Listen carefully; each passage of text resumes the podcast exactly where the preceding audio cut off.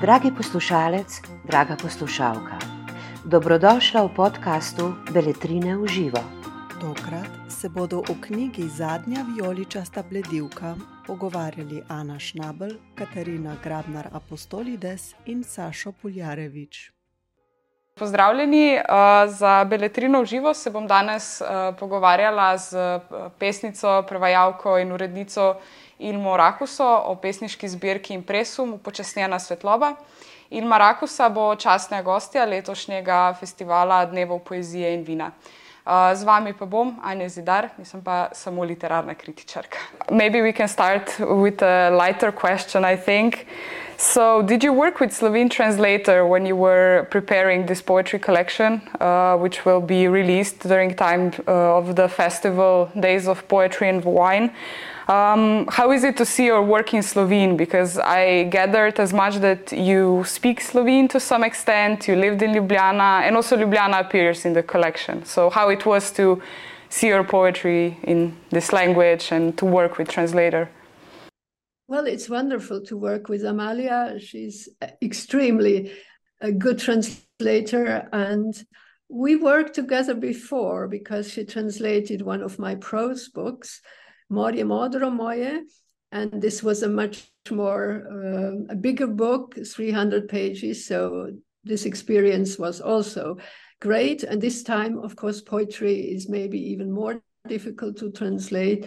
So she did a great job, and I tried to participate and to help her in a way. And because also the collection is sort of bilingual, so there's a German original and Slovene translation. So, uh, I mean, I don't speak German, but I guess for those who do, it's interesting to see like what gets transferred across, right? Absolutely. Uh, for poetry, I personally prefer bilingual editions because you can as you said you can compare and that's that's very fine yeah um, how it came about that you chose German as your, I guess, literary language? Because I saw that you, as a translator, you work with Serbo-Croatian, uh, Hungarian, and German and Russian. uh, we mentioned that uh, you also speak Slovene, and I think uh, we, I think before when we were talking, it was also mentioned that uh, you know some Japanese. So how did how did you choose German? So um, does it your literary language German does it benefit from other languages? Uh, because at some there's a poem in the poetry collection in which you uh, write about blinking in different languages. So how does the language affect blinking? So which I think was a very nice way of putting like how languages actually work, I guess. Thank you. These are many questions, but yes. I will try to answer. yes. So, um, well, German is my language. I learned German when I was five years old, and I went to German schools, to Swiss schools, but German, Swiss, and um, of course, one language is uh, important. One language which you really speak well. So, in my case, this is German and there was absolutely no question in which language I would write. Uh, also, yes, I do speak some other languages like Russian and French and English and Serbo-Croatian as well, and some other languages, but not Japanese at all. No, not Japanese. But I have been translated into Japanese, and um, Hungarian, of course, which is my mother tongue. So um, it happens that the languages, in a way, um, um, speak with each other in my head, that I have a sort of multilingual uh, approach to things. But in fact, I can't use all the languages at once, one or the other. And my main language is German and will remain German. But I like to play with words sometimes to use, for example, some English words in my German writing, sometimes depending on the subject, uh, I might use even Hungarian or Russian words. But this is rather a playful thing uh, because um, readers usually don't understand these languages except English. So I have to limitate myself to one language. Mm.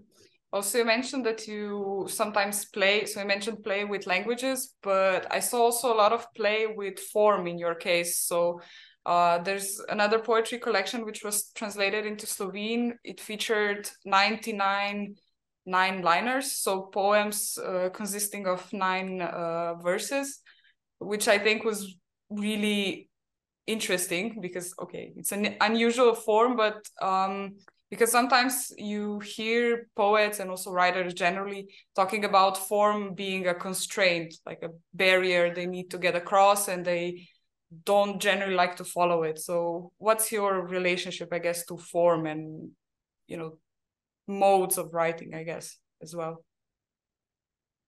The form is essential especially in poetry. And uh, i don't uh, consider constraints as uh, difficult or uh, a barrier, as you said, not at all. Um, these nine liners, I invented this form. It actually didn't exist before, and it's not difficult. Uh, when I wrote these 99 liners, um, I felt very comfortable because you can do a lot of things, and nine lines are enough to tell a story. If you try it, you will see.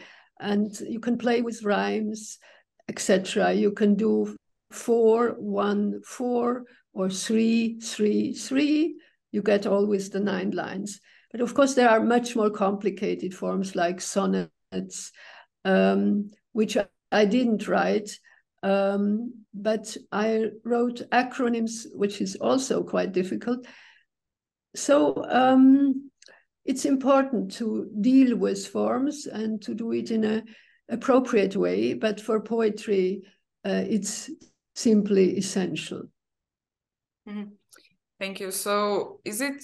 I mean, I was wondering uh, about the title of the poetry collection, uh, which uh, in Slovene pertains contains the impressum upočasnjena svetloba. So it's on, on one hand, it features this Latin word about engraving or something being engraved or imprinted on something um do you and then it's the light the slowing down of the light so how how do you i guess combine the two because i think something if i mean light is something that is fleeting that it's i don't think that we can catch it in a sense and then there's the impressum so i was wondering whether it's poetry a way of catching this light of you know maybe even as if we're photographing it in a sense.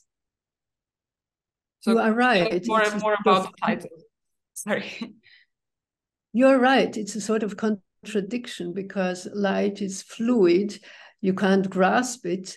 Um, the title is in Slovene uh, Impressum upočasnjena svetloba.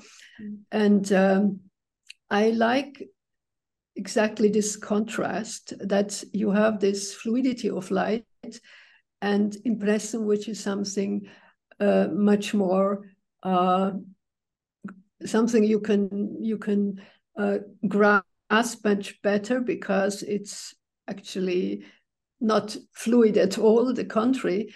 and um, I did it purposely because just uh, Svetloba, to my ears would sound a bit kitschy. I I never I would never choose this title, you know. Uh, but with this contrast, um, I think it becomes interesting. And so I usually work with contrasts in my poetry in order to make it more resistant, you know, and not just impressionistic. Mm so as you mentioned there's a lot of contradictions also in the poetry that follows the title. So there's light but there's also a lot of dark things. For instance winter a lot of um, dead trees snow wind things that we usually associate i guess with darkness not with light so um what's maybe could you tell us more about this contradiction that exists in the poetry i guess so there's light but i guess we cannot have light without shadows, I guess. Right. Um, but this collection in Slovene uh, has actually two parts, and I chose it from two books, two collections. One is, as you mentioned, uh, Impressum Upočasnjena Svetloba, and the other one is uh, Niti dneva brez, which is another collection of poetry, and which is quite different of the first one.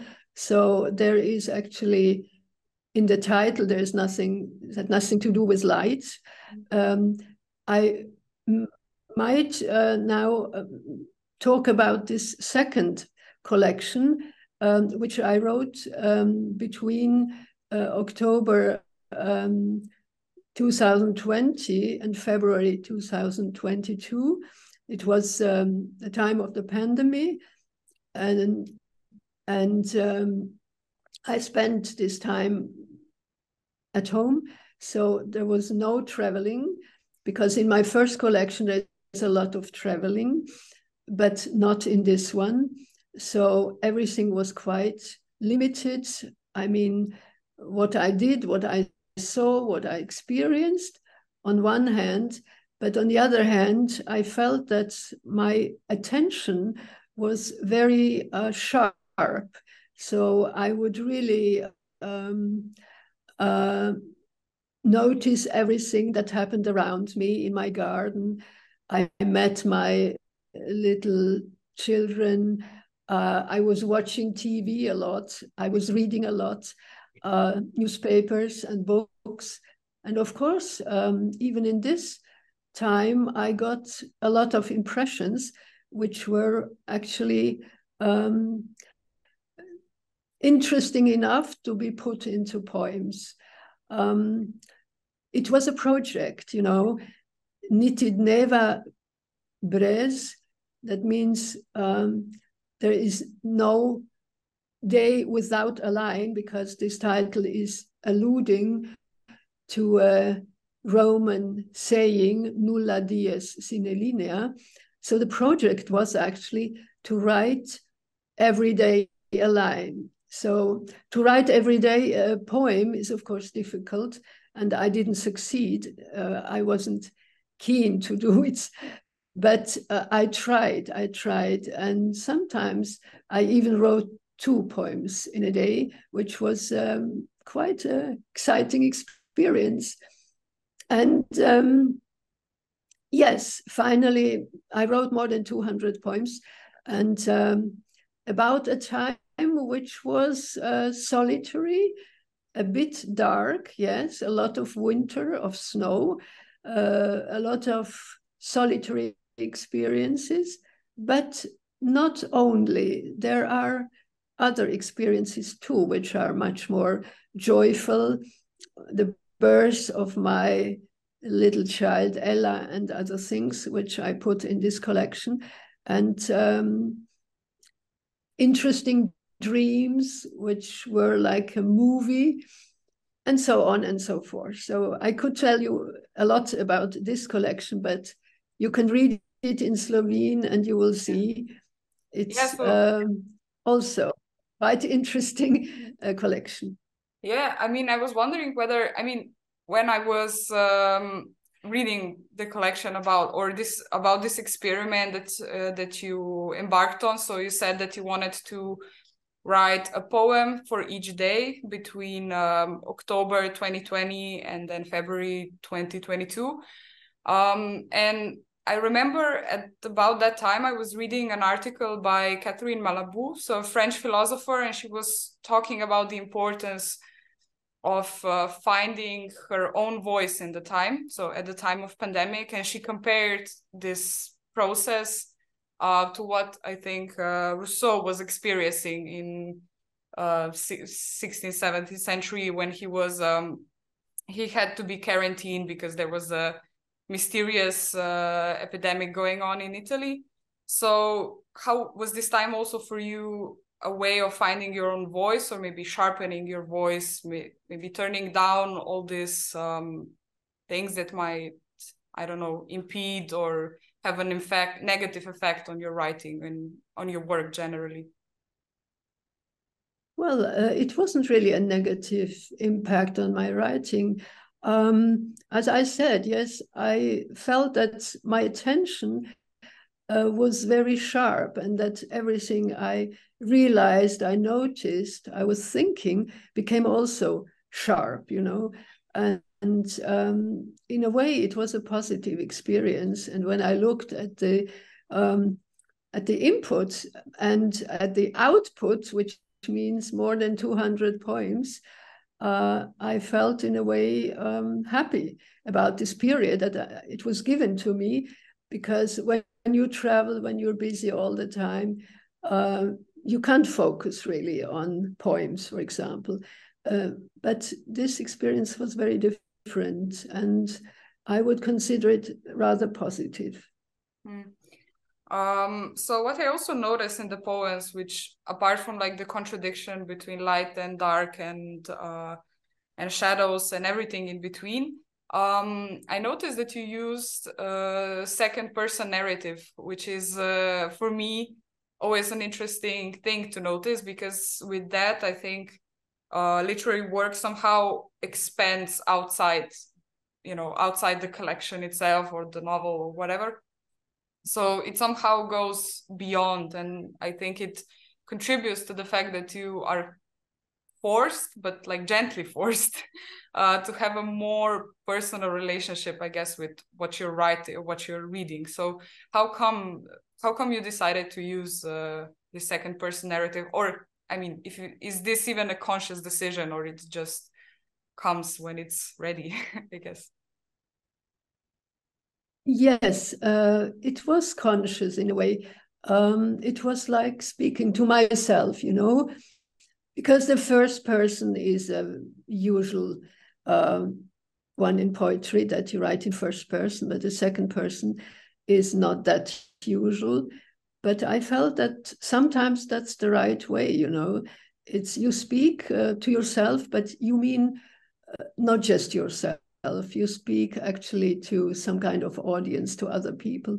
By the way, I would like to mention that um, these uh, poems, uh, we speak about this second collection, um, uh, are very much addressed to other people and also to friends, to literary friends, to colleagues. Uh, there are many quotations from other poets which I use, and the epigraphs. So the dialogue for me is very, very important in poetry and beyond. So the dialogue with, yes, friends, but especially literary friends. Sometimes they don't live anymore. Some are already dead, but they they uh, speak to me um, when I read their books, etc. And this dialogue with, uh, I would say, with friends, but, but with world poetry in general is very, very important. I don't think that uh, a poet is just on his own. Uh, what he writes, what he thinks is often built on the experience of others, of other poets. So um, I am aware of a kind of tradition, you know, whether I speak about Marina Tsvetaeva or Peter Esterhazy, um, I'm aware that uh, I'm first of all not alone, and that um, I can be grateful to those uh, who were writing before and uh, who have an impact on my own writing. So, so I feel grateful for this experience. Mm. So in a way, then you're this is what you're looking forward also with the festival of poetry and wine hanging out or addressing also other poets also the audience and um yeah do you look forward to this this is why maybe festivals are even important i guess to to make this very connection. much so very much so yes i have already been once at this festival a couple of years ago and it was a great experience. I remember Ptuj uh, especially it was very hot at the time but in the evening uh, on this um, well the screen and the atmosphere of the event was really great. And of course the contact with um, other poets and colleagues. So i'm I'm really looking forward to the festival again. So, yeah, I hope to see you there. I hope I will be able to join you. Thank you for this conversation and uh, have a nice day. Um, Thank you. you very much. Najlepša hvala za vašo pozornost. Za več knjižnih vsebin vas vabimo na www.beletrina.si in v našo knjigarno na Starem trgu 3 v Ljubljani.